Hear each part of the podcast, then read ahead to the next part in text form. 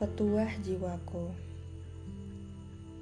jiwaku berkata padaku dan menasehatiku agar mencintai semua orang yang membenciku dan berteman dengan mereka yang memfitnahku.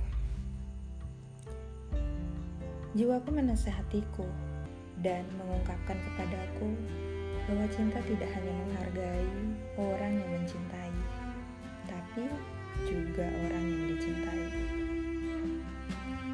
Sejak saat itu, bagiku cinta ibarat jaring laba-laba di antara dua bunga, dekat satu sama lain. Menjadi lingkaran cahaya tanpa awal, tanpa akhir, melingkari apa yang telah lahir dan memupuk selamanya untuk merengkuh yang akan hadir.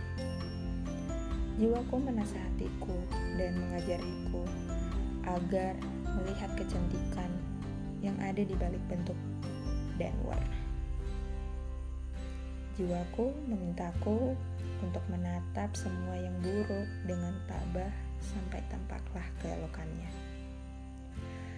Sesungguhnya sebelum jiwaku meminta dan menasehatiku, aku melihat keindahan seperti titik api yang tergulung asap tapi sekarang asap itu telah menyebar dan menghilang. Hanya kulihat api yang membakar. Sebelumnya aku melihat manusia ada dua. Seorang yang lemah, yang kucaci dan kukasihani. Dan orang yang kuat, yang kuikuti, maupun yang kulawan dalam pemberontakan.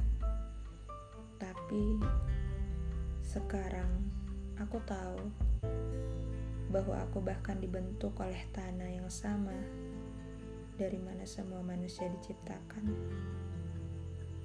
Bahwa unsur-unsurku adalah unsur-unsur mereka dan jiwaku adalah jiwa mereka.